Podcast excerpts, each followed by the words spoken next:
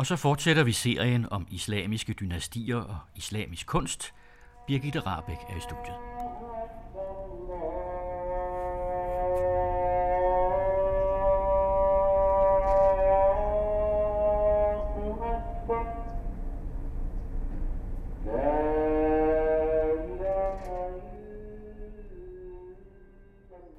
Hver dag, fem gange i døgnet, kaldes der i hele den muslimske verden til bøn fra minareten. Med lyden fra denne minaret i Jerusalem byder jeg velkommen til den 11. udsendelse om islamiske imperier og islamisk kunst. Serien er blevet til med støtte fra Davids Fond og Samling, og hver udsendelse vil dels rumme en historisk del, dels en kunstnerisk eller museal del. Det sidste vil direktøren for Davids Samling i København, Kjeld von Folsak, tage sig af, når han viser os rundt i museets forskellige afdelinger for islamisk kunst, hvor han til hver gang har udvalgt nogle kunstgenstande, som han vil fortælle om. Mit navn er Birgitte Rabeck. I dagens historiske del vil lektor June Dahi fra Københavns Universitets Institut for Tværkulturelle og Regionale Studier fortælle om mongolerne.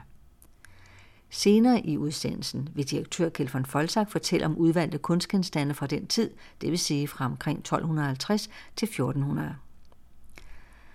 Man skal ikke kende ret meget til den islamiske verdens historie for at have hørt om mongolerne og deres herven. Efter sine begyndte det med, at en karavane af købmænd fra Mongoliet i 1219 blev udplyndret og myrdet af muslimske tolvembedsmænd i Centralasien. Det udløste derefter en grusom gengældelse. Men jeg indleder med at spørge Jun Dahi om, hvad man vidste om mongolerne før sammenstødet med muslimerne. Mongolerne var ikke specielt kendte i den øh, muslimske verden, men de var kendt af naboerne til de yderste dynastier mod øst i den muslimske verden, som var blevet truet af Genghis Khan, mongolerlederen, til at hvis de ikke sendte troppeforstærkninger, som øh, han kunne bruge til sit øh, indtog i Kina, så ville han angribe dem. Men øh, mongolerne med deres leder Genghis Khan var jo først blevet en stærk magt i 1206, netop ved Genghis Khans ledelse. Egentlig så hed han Timujin og øh, blev valgt eller øh, manifesterede sig som leder i 1206 på den øh, mongolske storsamling, som man kaldte Kuriltai, som var en øh, samling, der foregik med jævne mellemrum, især ved lederskifte, hvor alle mongolske stammer samledes. Det Genghis Khan, som han så fik som titel i 1206 på den storsamling, Genghis Khan, det betyder oceanets hersker. Og det han var i stand til, det var at forene en hel masse mongolske og tyrkiske øh, og andre stammer og underkaste dem i øh, et meget stærkt forbund, som han jo med sine militære evner godt kunne se, han kunne udnytte militært. Og i titlen Oceanets hersker, der kan man jo næsten høre ambitionen om at underkaste sig verden. Og det var også hans ambition. Og hvad skete der så? Fordi så startede de jo med at trænge mod sydvest igennem de muslimske områder. Hvad var det mere præcist, der skete der?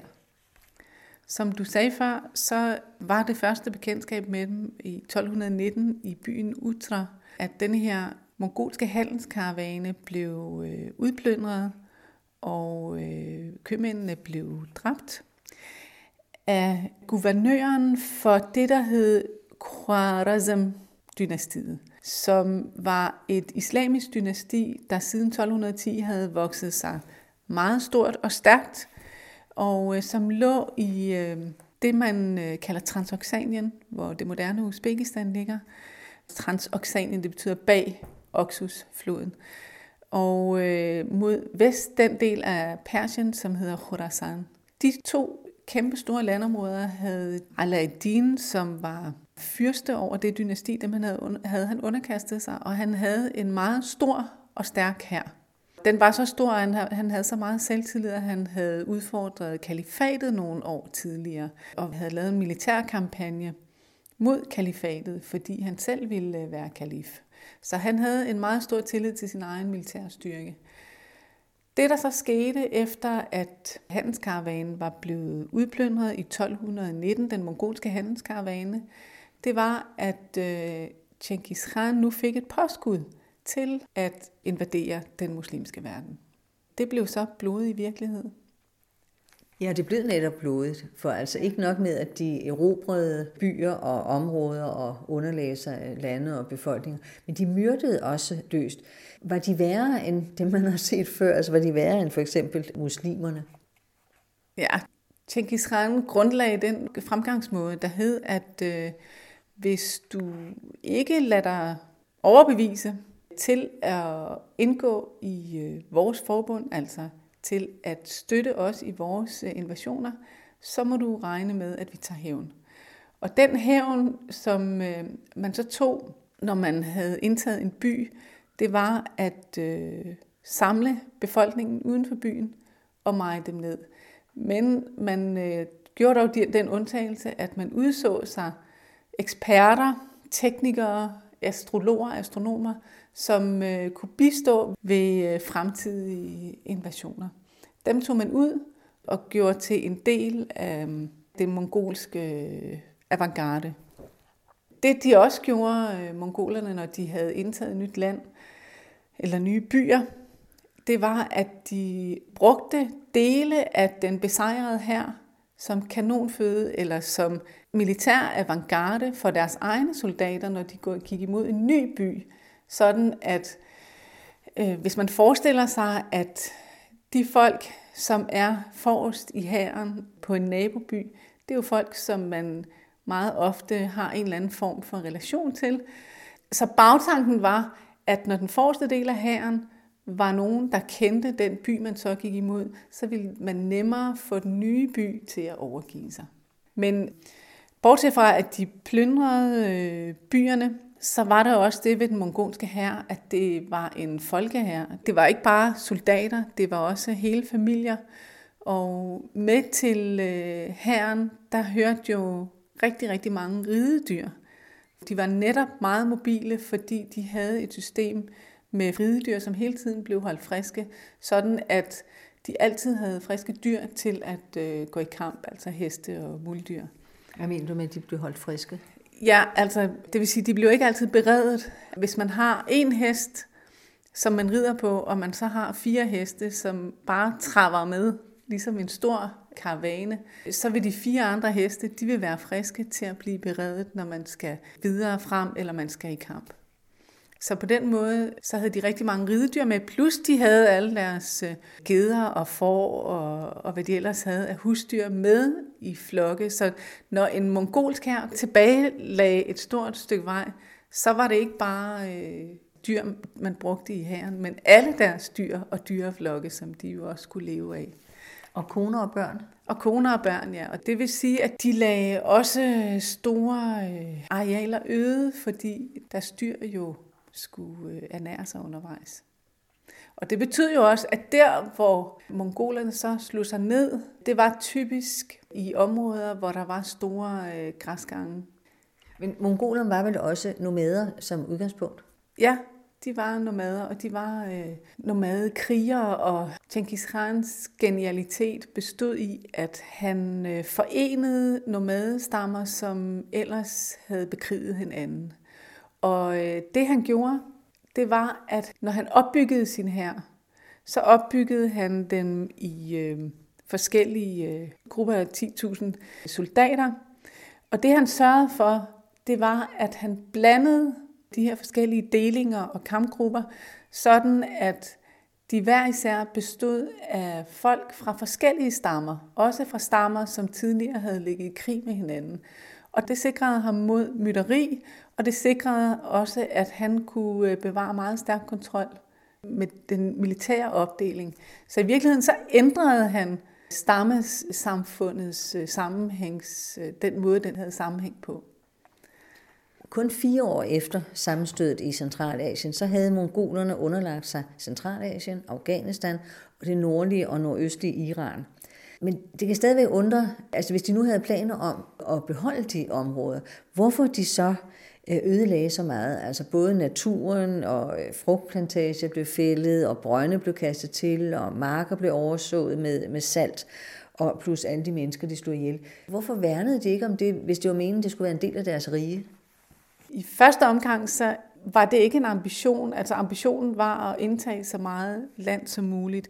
Men sidenhen, altså i de senere øh, militærkampagner, der formåede de jo netop at opretholde nogle øh, bysamfund, som de øh, bevarede kontrol over, fordi de fandt ud af at benytte lokalbefolkningernes administratorer.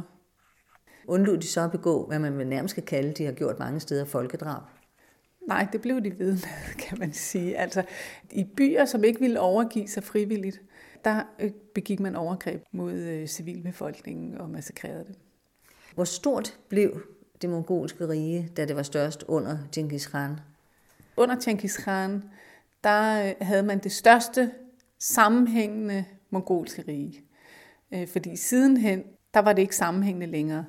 Men man skal forestille sig, at de med udgangspunkt i Mongoliet indtog det meste af Kina, og øh, noget, som du sagde før, helt frem til det nordlige Iran. Så det har været øh, rimelig stort og meget hurtigt indtaget. Og det er jo lige præcis den der hurtighed, som har virket fuldstændig overvældende. De øh, teknikker, de havde til at øh, indtage land og til at komme hurtigt frem og til hurtigere indtage steder og byer, var overraskende. Og det moment af overraskelse har i sig selv gjort, tror jeg, at øh, herrenes moral er blevet svækket. Altså øh, modstandernes herre? Ja, modstandernes herre. Så det har altså været sådan noget i retning af, at mongolerne kommer? Ja, det har det. Og det kan man også læse. Altså, jeg har jo først og fremmest beskæftiget mig med øh, Bagdads fald til mongolerne. Og øhm, Bagdad faldt til mongolerne meget senere, nemlig i 1258 under Genghis Khans barnebarn Hyligy, som var leder af den her, der indtog Bagdad. Og en af de beretninger om Bagdads fald, som er skrevet af et øjenvidne, beskriver netop, hvordan folk kunne øh, se oppe fra hustagene flere dage i forvejen, inden øh, belejringen, at der kom en stor sky af sand og støv, som man kunne se ude i horisonten, hvor man sagde, mongolerne kommer. Men var det ikke vanskeligt for mongolerne at indtage Bagdad, som trods alt var Abbaside-kalifatets hovedsæde? Det gik øh, faktisk forholdsvis nemt for mongolerne. Den ene grund var selvfølgelig, at øh, den mongolske hær var stærk og overlegen, og den anden var, at øh, både Bagdads hær, den irakiske hær og Bagdads øh, forsvarsværk var blevet misligeholdt af kalifatet. Den sidste kalif al-Mustasem har et rigtig dårligt øh, eftermæle hos de arabiske historikere. Øh, bymuren var misligeholdt. Øh, Datidens kanoner, altså kastemaskiner, som man havde, fungeret ikke. Og øh, de menige soldater havde ikke fået løn. Der er beskrivelser af, hvordan de går rundt i gaderne og, og tigger, fordi øh, kalifen misligeholder øh, sin hær. Så man kan sige, som udgangspunkt var Bagdad militært meget svagt. Og da så øh, mongolerne kom, så brugte de den overraskende metode, øh, og det har været, når man læser om, hvordan øh, mongolerne ligesom gør de her store landevindinger, bogstaveligt talt, så er der altid et moment af overraskelse. Og det de gør, da de skal indtage Bagdad, det er, at de bygger nogle jordvolde, som øh, de bygger meget store og meget høje, med stor flid og med stor tålmodighed. Og målrettighed, så bygger de nogle jordvolde, der er lige så høje som bymuren. Og så kan de simpelthen stå og skyde med deres pile, som øh, jo ikke er en lille pil af træ, men som er store pile, både af metal og øh, som der kan være øh, giftige, og som der kan være ild i og alt muligt andet. Så kan de stå og skyde ind i byen. Øh, og man har nogle beskrivelser af, at de skyder lige ind i kalifpaladset, og de rammer en, øh, en lille pige, som øh, kalifen plejer at, at lege med, som danser foran øh, kalifen. Hun bliver simpelthen ramt af en pil, der bliver skudt ind af, af mongolerne. Men det er selvfølgelig nok en skrøne, men det er udtryk for, at byen ikke er i stand til at forsvare sig selv. Hvilken form for politisk eller, og administration opbyggede mongolerne for at holde sammen på deres rige? Mongolerne havde øje for eksperter, og også administrative eksperter. Og øhm, de øh, brugte og knyttede til sig folk, som havde været embedsmænd på højt niveau i de dynastier. Nogle af de mest kendte embedsmænd var iranere eller perser, og øh, det var også dem, som øh, kom til at skrive mongolernes historie, først og fremmest på persisk. Der findes også i det hele taget det med mongolernes historie. Det er ikke så nemt, det er ikke så lige til, fordi mongolerne har ikke skrevet deres egne historie. Det eneste, man har fra mongolerne selv, det er øh, to dokumenter. Det ene hedder Mongolernes øh, hemmelige historie. Det er skrevet på mongolsk. Ellers så øh, er de kilder, man har til mongolernes historie, de er skrevet på kinesisk, og de er skrevet på persisk, de er skrevet på arabisk, og de er også skrevet på latinsk. Vi har nogle, nogle øh, europæiske kilder også. Så man skal virkelig kunne mange sprog, hvis man vil læse alt om mongolerne. Hvis vi så går frem til 1227, der døde Genghis Khan. Ja. Hvem overtog magten efter ham? Der var fire øh, sønner, og øh, den, der overtog magten som Storkhan, han hed Øgedej. At være Storkhan, det vil sige, at man var den øverste leder af hele det mongolske rige. Og det var også derunder, at nye erobringer begyndte. Det mongolske dynasti havde også den øh, svaghed, at der altid opstod konflikter, når øh, storkagen døde, og man så skulle vælge den nye kan. Så øh, under Øgedej, der begyndte øh, nye erobringer mod vest, og øh, den sidste store vestkampagne foregik under næste generation, hvor øh, den øh, nye øh, storkan hed Mønke, og han var altså barnebarn af Genghis Khan. Mongolerne var jo ikke muslimer. Hvilken religion havde de egentlig? Det vigtigste i mongolernes øh, religion, det var shamanismen, altså åndemaneriet. Og øh, det har været grundlæggende hos dem alle sammen. Nogle af de øh, stammer, som mongolerne øh, forenede sig med, var blevet kristne, nestoriansk kristne. Man kendte også til jødedommen blandt nogle mongoler, men der var også øh, buddhister. Så øh, i virkeligheden kendte man til mange forskellige religioner hos mongolerne, og de havde et ret afslappet forhold til de forskellige religioner. Det havde de nok, fordi det vigtigste var og blev hos dem, det var forholdet til ånderne, altså deres øh, shamanske religion. Men efterhånden så konverterede de jo til islam, så man kan jo egentlig tale om, at det var erobrerne, der overgik til de erobredes religion. Ja, sådan var det både i, altså i det, man kalder den øh, gyldne hårde, som var det mongolske dynasti, som fik centrum i det sydlige Rusland, der var overgangen, eller islamiseringen, ret, øh, den begyndte ret tidligt, allerede med den første kagen over den øh, gyldne hårde. Og øh, i Ilkhanatet, som var det rige, der opstod i Irak og Iran efter Bagdads øh, fald, der blev de øh, lidt efter lidt. Det startede i 1299 med den ildkan, der hed Ghazan. Han var den første øh, muslimske kan. Og øhm, det er rigtigt, at på den måde, så var det herskerne, der overtog de beherskedes øh, religion. Og nogle historikere har også set det som en af årsagerne til, at de ligesom øh, blev opløst og gik i et med den befolkning, som de var blevet hersker over. Men andet i den gyldne hårde har de jo ikke formået at have et rige i lang tid. Netop fordi de var og blev nomadefolk, og øhm, de havde ikke en infrastruktur selv. De skulle altid bero sig på den infrastruktur, andre folk opbyggede. Så derfor var de ikke selv i stand til at holde på et rige, om jeg så må sige. Så derfor blev de som, også som personer, forsvandt de i befolkningen, om jeg så må sige. Fortsatte de med at øh, dyrke deres ånder, samt efter at de var konverteret? Og betød det, at de havde sådan et relativt afslappet forhold til religion, også efter de var blevet muslimer? Det ser ud til, at efter 1299, som man sætter ligesom øh, skæringsåret for, hvor de blev muslimer, at der fik islam overtaget, om jeg så må sige. Og, og hvilken status havde så for eksempel kristne og jøder i områderne? Der skete det i 1258 efter ildkanatets etablering, at de faktisk med den holdning, de havde, de var ikke irreligiøse, men var på en måde ligeglade. Altså, de, der var ikke nogen religion, som var vigtigere end andre.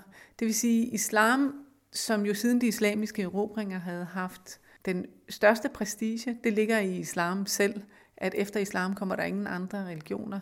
Den mistede sin position som herrereligion, om jeg så må sige.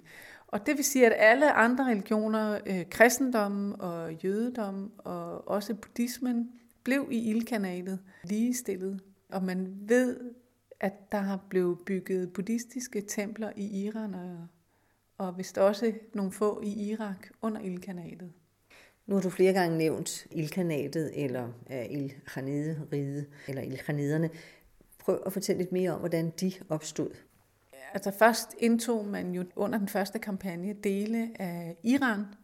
Under den anden vestkampagne, som udgik fra Mongoliet 1252, der øh, underkastede man den sidste del af Iran, og øh, man nåede så Irak og Bagdad i 1258, hvor man gjorde det af med kalifatet.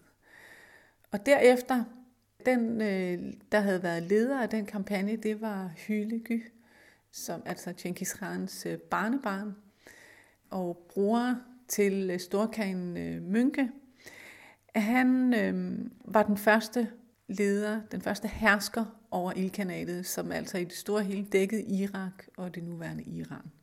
Ildkanatet øh, opgav at have Bagdad, som jo var den tidligere, kan man sige, islamiske metropol, som hovedstad, og Hylegu og de senere ilkhanidiske ledere, de øh, måtte jo finde et sted, hvor de kunne være med alle deres dyreflokke. Og det vil sige, at de kunne ikke som øh, herskere slå sig ned i byen.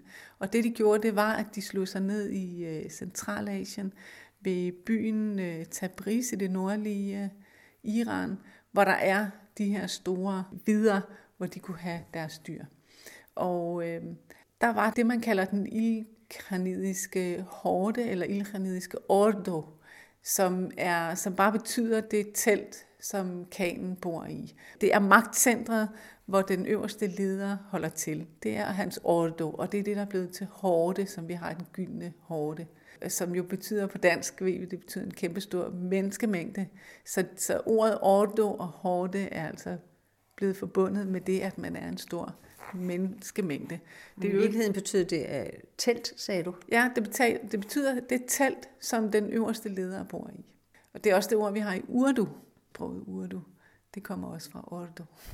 På nuværende tidspunkt så har vi, øh, hvor det ene af Genghis Khans barnebarn, Hylegu, sidder i Bagdad, og en anden af hans børnebørn, eller sønnesønner, Batu, var leder af den klan, som blev kaldt den gyldne hårde. Hvordan var magtfordelingen mellem dem? De var rivaliserende lige fra starten. Allerede under kampagnen mod Bagdad. Altså man var enige om fra Storkanadets side, at øh, man skulle på den her vestkampagne, hvor man øh, først og fremmest gjorde det af med ismailitterne i øh, det nordlige Iran. Men Batu, lederen af den gyldne hårde, han var meget uenig i Hylegys beslutning om at indtage Bagdad. Det var han imod, Måske havde han selv, det ved man jo ikke, men måske havde han selv haft ambitioner om at underkaste sig øh, de landområder, men han satsede på Batu at have venskabelige forbindelser til den islamiske verden. Det fik han så senere med det, der hed øh, det mamlukiske rige, men rivaliseringen med ildkanalet, det fortsatte, lige til ildkanalet blev øh, opløst. Og øh, allerede under invasionen mod Irak, der øh, havde man kampe mellem den gyldne hårde og Hylegystyrker om nogle landområder i det nordlige Iran i Centralasien. Men ellers så trængte Batu, altså den gyldne hårde, trængte jo så op øh, længere ind i, øh, i Rusland. Ja. Hvor stort et uh, område underlægges efterhånden der? Altså det sydlige Rusland. Og hvor længe regerede mongolerne i Rusland? De regerede i Rusland helt op i øh, 1300-tallet, altså i den, til den sidste halvdel af 1300-tallet. Og de plejede jo i første omgang venskabelige øh, forbindelser med øh, Mamlukriget, men fik en mere og mere underordnet position i forhold til Mamlukriget. Mongolerne, de er også i hvert fald i Rusland, at de er også blevet kaldt tatarer. Hvad er det for et ord? Tatar, det kommer af navnet på en af de tyrkiske stammer, som var en del af Genghis Khans øh, stammeforbund. Den hed Tatar-stamme. I virkeligheden er det øh, navnet på en tyrkisk stamme, og ikke på en mongolsk stamme. Hvis vi så lige vender tilbage til ilkraniderne eller ilkranatet, så er deres eftermæle jo blandt andet blevet, at der var tale om en rig kultur. Hvad var det, der gjorde, at man betragtede det som en rig kultur, eller hvor, hvor ved udmærkede de sig? Man kan jo diskutere deres eftermæle. Altså i øh, arabisk øh, historieskrivning, især i den senere del af den arabiske historieskrivning, der har de ikke noget godt eftermæle. Altså der har de øh, eftermæle som dem, der er destrueret. Og det kan der være flere årsager til. Men øh, hvis man læser de samtidige kilder, blandt andet så har vi en, en meget interessant skildring fra en ung mand. Han var en ung mand, han var 14 år i 1258, da Bagdad blev øh, indtaget af mongolerne. Han blev ikke dræbt under massakren på Bagdads befolkning. Han blev holdt fange, og han øh, viste sig at være bibliofil, det vil sige, at han holdt meget af bøger. Og øh, han har muligvis spillet en rolle for, at øh, man bevarede den bogsamling, der var på øh, Mustanseria-skolen, altså hvor kalifatets bogsamling øh, eller bibliotek befandt sig. Der var øh, knyttet til øh, Ilkhanatet den mest højtstående embedsmand eller rådgiver for Hylegi. Han var øh, iraner, han hed Nasiruddin Tusi, og øh, han var astrolog og havde blandt andet rådgivet Hylegi omkring øh, de tidspunkter, hvor det øh, skulle være øh, hensigtsmæssigt at, at gå på militærkampagner. Og øh, han var meget interesseret i at samle de bøger, som øh, man havde rundt omkring i øh, Iran og Irak, og samle dem på et bestemt sted. Og han fik øh, i det nordlige Iran, i den by, der hedder Marara, der etablerede han et stjerneobservatorium, og han forsøgt egentlig at lave det til et nyt intellektuelt centrum. Og selvfølgelig var hans første interesse, det var øh, stjerneobservatoriet. Men man samlede under ham, der samlede man bøger fra Irak øh, og Iran, og forsøgt at samle dem op i Marara. Ellers har de jo fået det eftermæle, mongolerne, ved øh, Bagdads øh, indtagelse, at de samlede alle bøgerne og kastede dem i Tigris, hvis vand blev farvet sort af blækket fra bøgerne. Men hvis man læser de samtidige kilder, så finder man altså ikke noget bevis på det. Man finder altså, at der er fjernet store bogsamlinger, men de er fjernet for at samle dem et sted, nemlig i det nordlige Iran, op ved, i Marara ved øh, Stjerneobservatoriet. Og man ved, at der er flere videnskabsmænd, som har været samlet på det sted. Blandt andet har vi en anden historiker, Bar Hebreus, som var kristen og som øh, skrev historie både på aramæisk og på arabisk, som øh, var tilknyttet det center deroppe. Hvor længe kan man tale om ilkhaniderne? Indtil øh, Abu Said i 1300, han dør i 1335. Og der siger historikerne efter det, at der, der er ingen mongolske herskere at, at tale om. De øh, opløses i lokalbefolkningen. De mister øh, deres mongolske særtræk. Efter Abu Said, der ophører dynastiet med at være dynasti. Hvad var det mere generelle indtægtsgrundlag for øh, det mongolske rige eller de mongolske riger? For man kan jo ikke i det lange løb leve af at ødelægge og plyndre. De benyttede sig af mange forskellige skattesystemer, og man kan jo gætte sig til, eller det har historikerne gjort, nutidens historikere, at grunden til, at man har så mange forskellige skattesystemer, det er, at man har overtaget mange systemer fra de riger, man indtog. Men hvis man læser øh, lokalhistorikerne, så får man indtryk af, at nogle gange er det sådan lidt sporadisk og lidt... Øh, nogle år, så øh, når den mongolske administrative top kommer på besøg, så øh, kræver de temmelig mange øh, skatter af lokalbefolkningen. Det, det sker sådan med, med mellemrum hver andet år cirka. Så man har øh, drevet skat ind fra almindelige mennesker. Var der også en udstrakt handel? Ja, det var der i høj grad. Altså, de havde en tradition for at opdrætte ridedyr til deres øh, herrer, som jo først og fremmest øh, kom af en tradition for at opdrætte heste til jagt. Så derfor så havde de øh, sikret handelsvejene ved øh, poststationer og øh, de øh, etablerede veje, som var udelukkende til handel, hvor almindelige mennesker ikke kunne færdes, som altså var bevogtet, og hvor man sørgede for friske ridedyr for eksempel. Det var noget, der fik øh, handlen til at blomstre i mongoltiden. Vi skal i en øh, senere udsendelse høre mere om øh, det timoridiske rige, som har taget navn efter den sidste, har man i hvert fald sagt, den sidste øh, mongol, øh, mongol leder, nemlig øh, Timur Lenk, som var blevet kendt for at være meget grusom. Men hvornår kan man tale om mongolernes endelige nederlag eller ophør? I virkeligheden så er Timur Lenk, han er jo en enlig svale. Ja. Altså han dukker op, fordi han åbenbart har formået at samle en her, ja. men han formår ikke at, at etablere et rige, og man kan heller ikke tale om, at han viderefører det mongolske rige.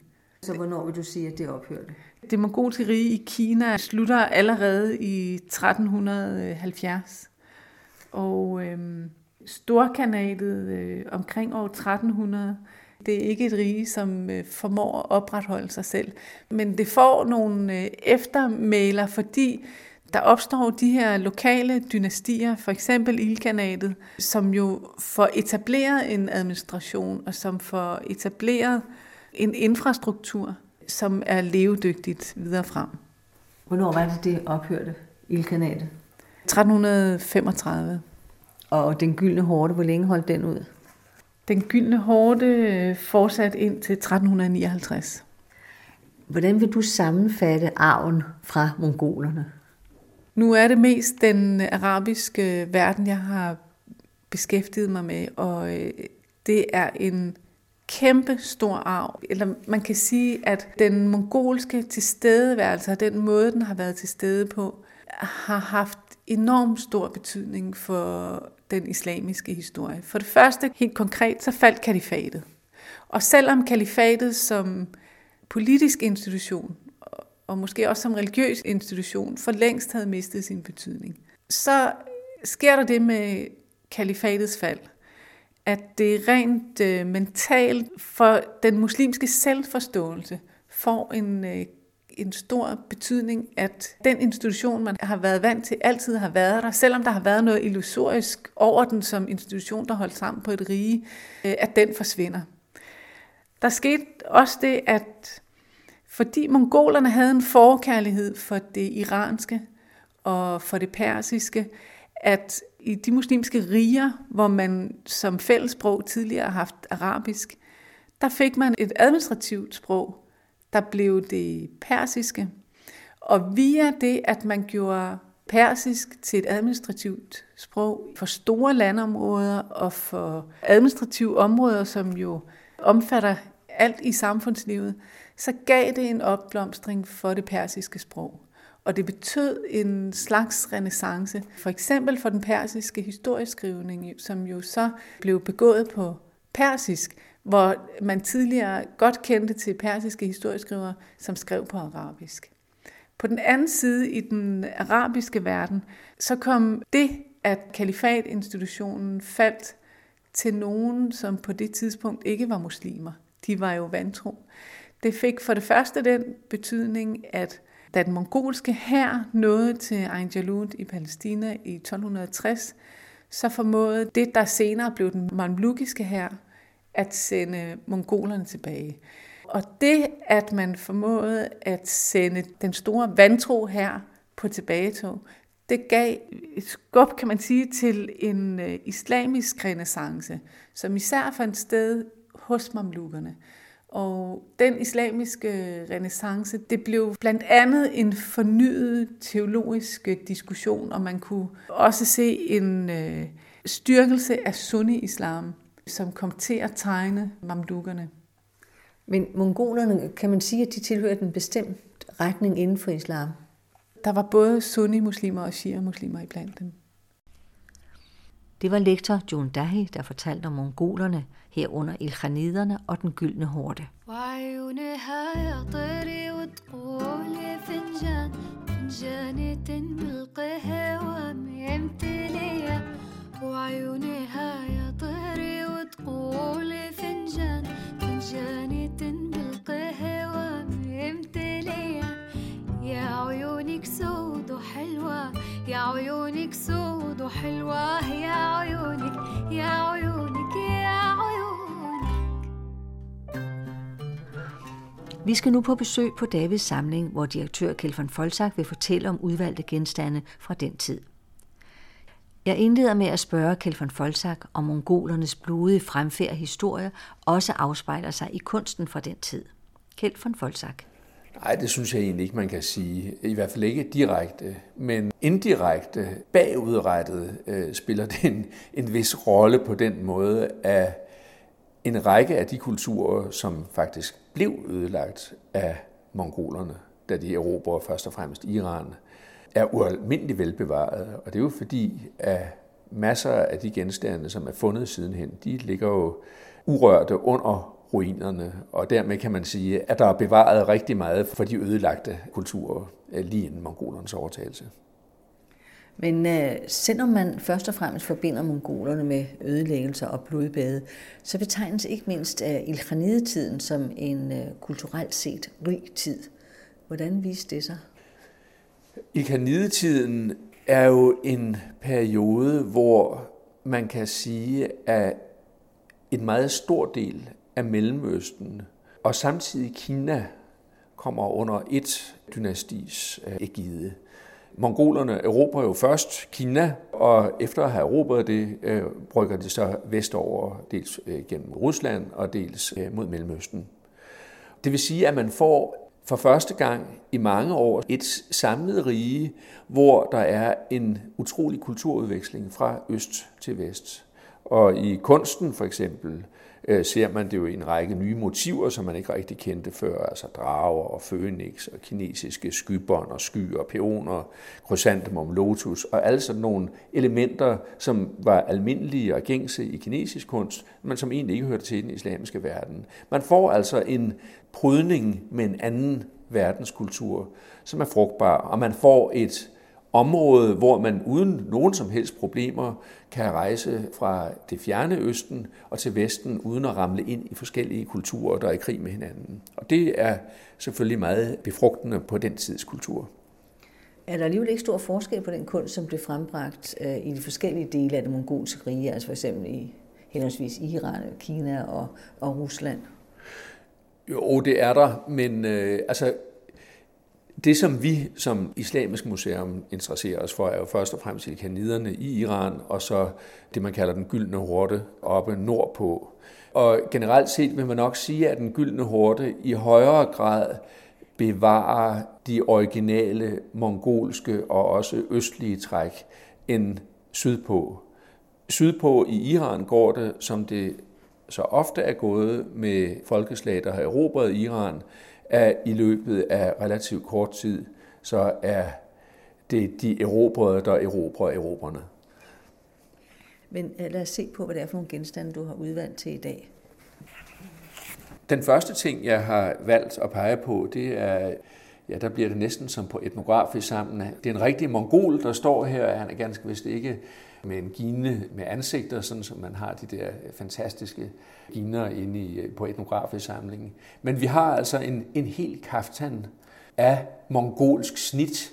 En almindelig persisk eller, eller arabisk kaftan lukkes midt for. Den her lukker i højre side med bindler, sådan så man har sådan en, en skrålukning, øvrigt meget moderne i meget moderne mode også i dag. Det er et tekstil, som viser egentlig det, vi talte om før, nemlig træk fra forskellige dele af det mongolske rige. Vi har nogle dråbeformede medaljoner med nogle ret kinesisk udseende løver i, og de er omgivet af et svastika-ornament, som man igen ser meget i østlig kunst. Oppe på skuldrene af kaftanen har man til gengæld, det er lidt svært at se her, hvor vi står, der ser man en stiliseret kufibord, altså en indskriftbord, og du kan også se en frise med løbende dyr, sådan som du finder den på utrolig mange, både keramiske, men specielt fade af bronze og, og sølv osv. Så, videre. så der er altså tale om et tekstil, som helt klart både afslører vestlig, altså islamisk og kinesisk påvirkning.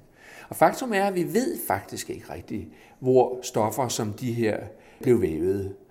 De er nogle gange blevet kaldt for guldtekstiler, og det ord, som man brugte i middelalderen i Europa, var panni tatarici, altså tatarklæde. Og det bliver benævnt som sådan i de europæiske inventarier.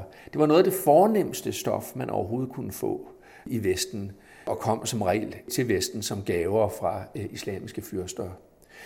Har jeg forstået det ret, at det er en mandstragt?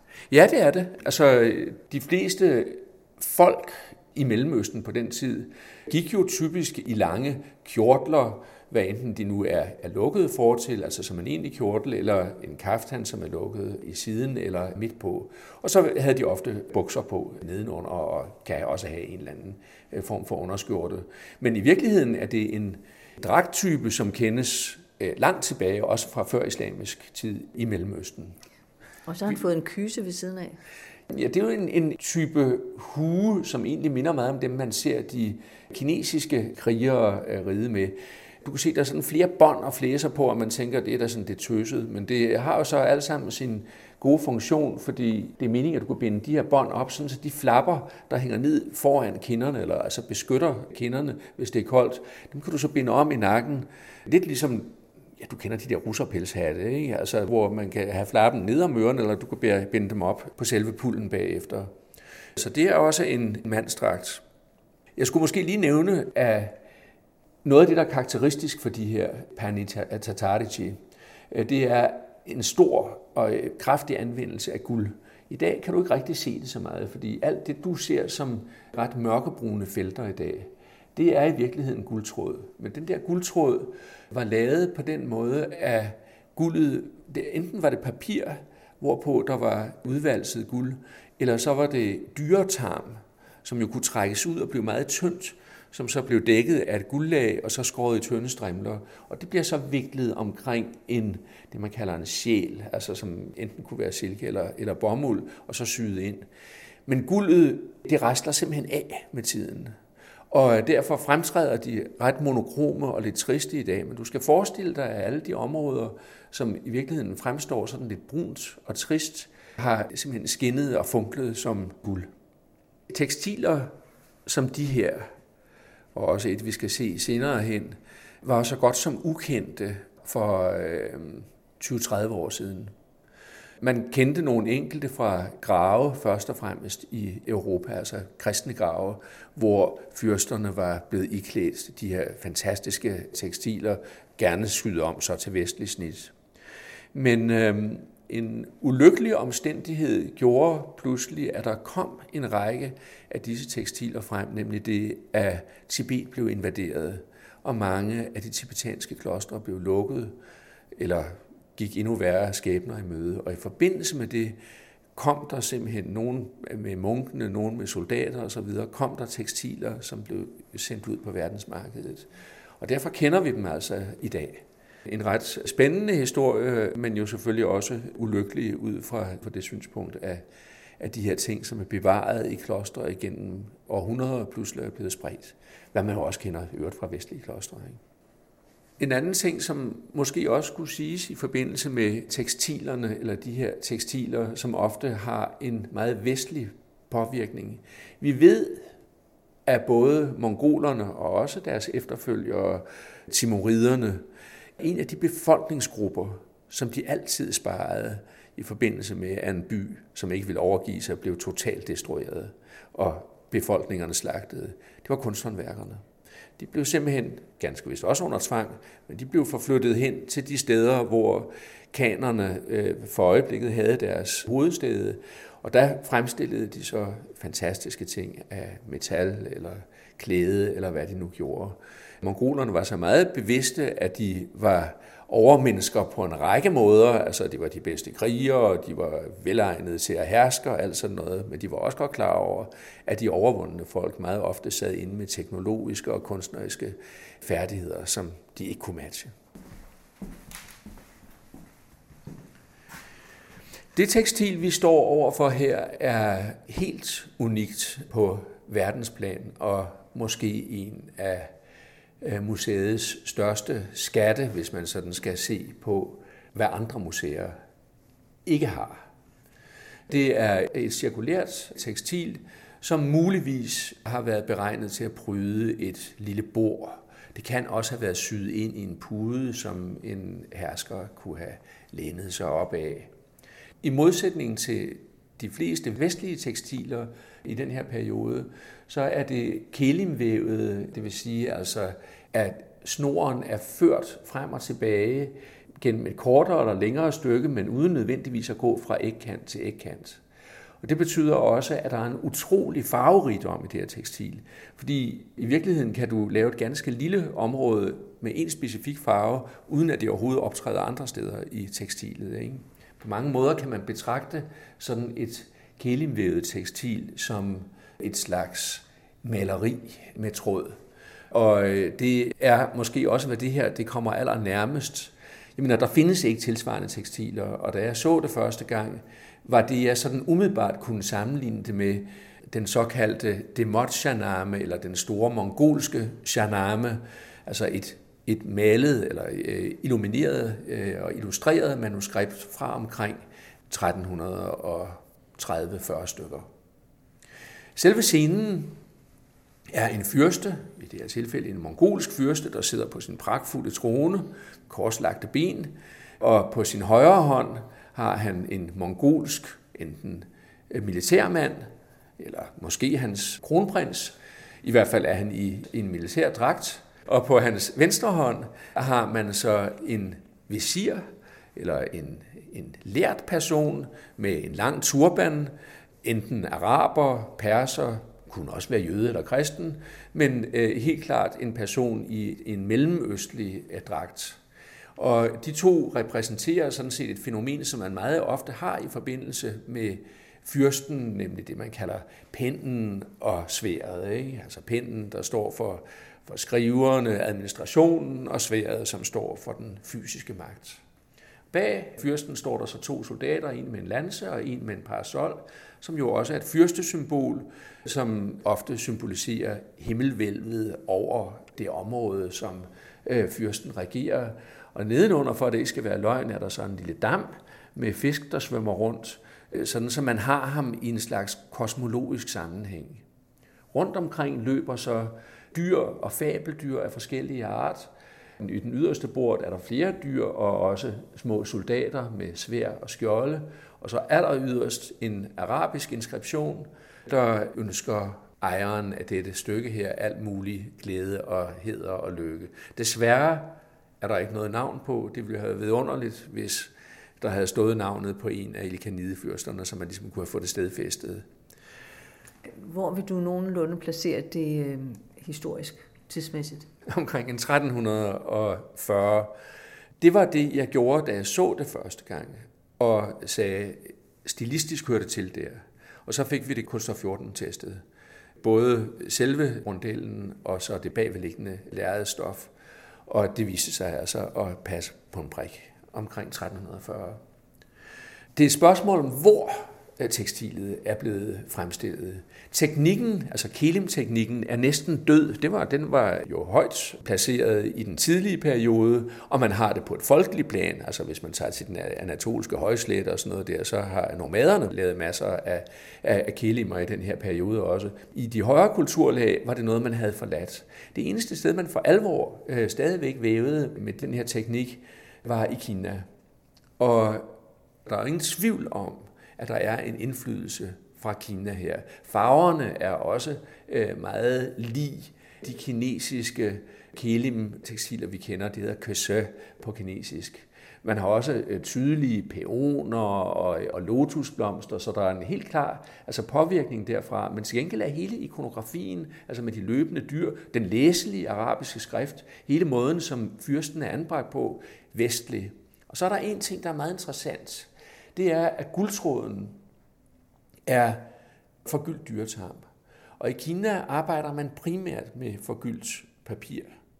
Og endnu mere vigtigt er, at den sjæl, som guldtråden her er viklet omkring, er bomuld. Og bomuld kender vi faktisk ikke som sjæl på et eneste kinesisk tekstil. Jeg vil tro, at forklaringen på, at vi har det her helt unikke tekstil, er, at det formodentlig er blevet vævet i et af de elkanidiske kerneområder, altså omkring Bagdad eller Sultanie i det vestlige Iran, enten af kinesiske vævere eller op, under opsyn af kinesiske vævere, sådan så man har den her blandingsteknik. En meget karakteristisk ting for keramikken i Ilkanide-perioden er en voldsom stigende brug af fliser, både indvendigt i bygningerne, såvel værtslige som religiøse, men også udvendigt. Teknikkerne, der anvendes herunder ilkaniderne, er nøjagtigt de samme, som blev anvendt før erobringerne. Så altså man har sparet de folk, der kendte hemmeligheden, for eksempel til lystermaleriet osv. Ikke? Den flise, som vi skal tale om i dag, det er en blå flise med dekoration i guld og rødt over glasuren. Det er altså igen en af disse øh, mere kostbare keramiske typer, som først skal brændes en gang, og så bliver den så bemalet over glasuren, og så brændt en gang til. Altså ligesom Minai-typen, som vi talte om tidligere i en tidligere udsendelse under Seldsjukkerne.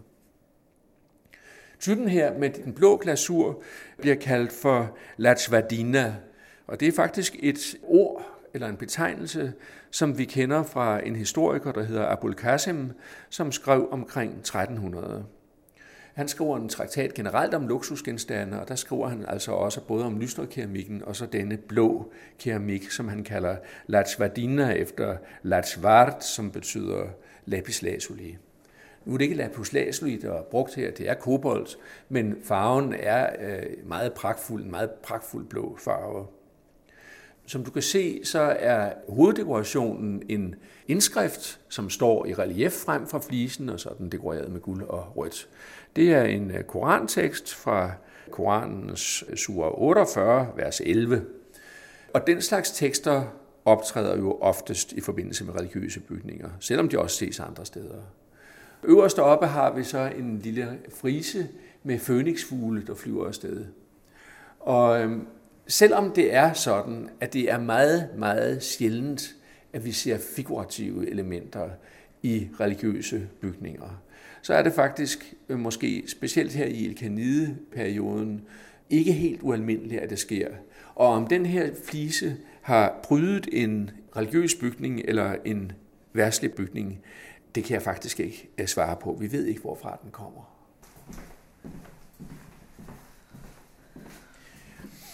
Den sidste ting, jeg vil vise her, er desværre ikke helt så pragtfuld, som den kunne have været, hvis jeg havde været dygtigere, eller hvis Davids samling havde været ude tidligere, end vi nogle gange har.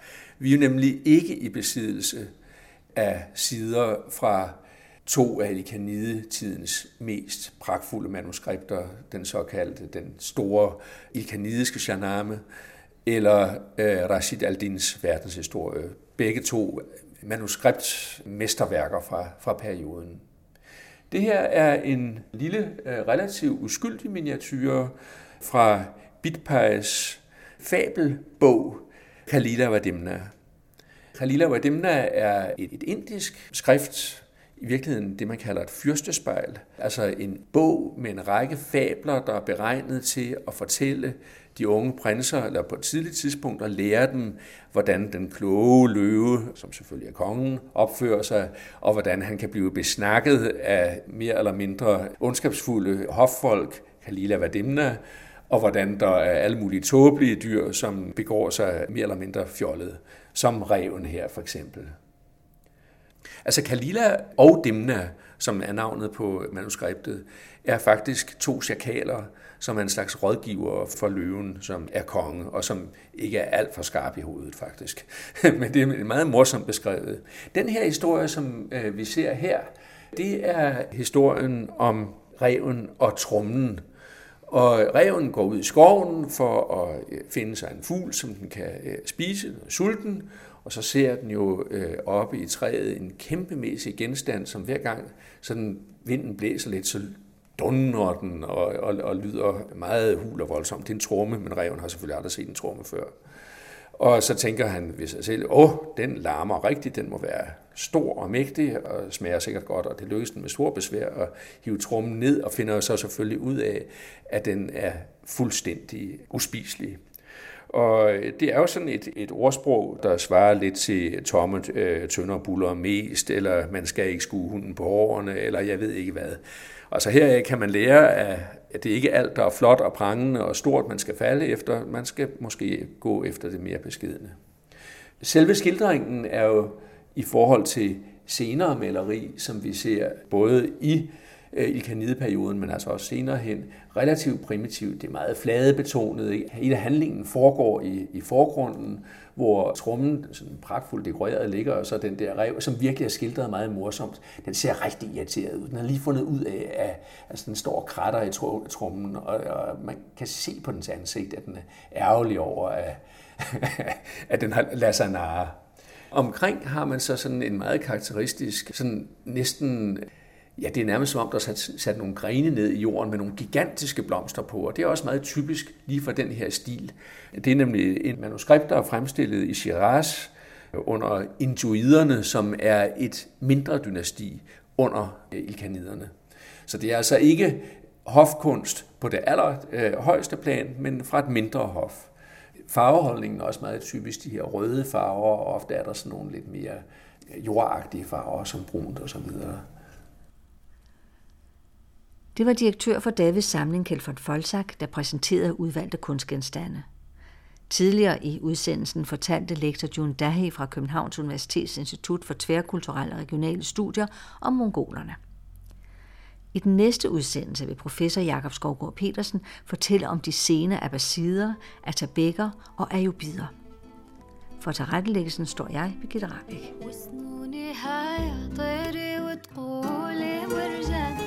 مرجاني على وسنونها مرجان. مرجاني على القلوب يا عيونك سود وحلوة يا عيونك سود وحلوة يا عيونك. يا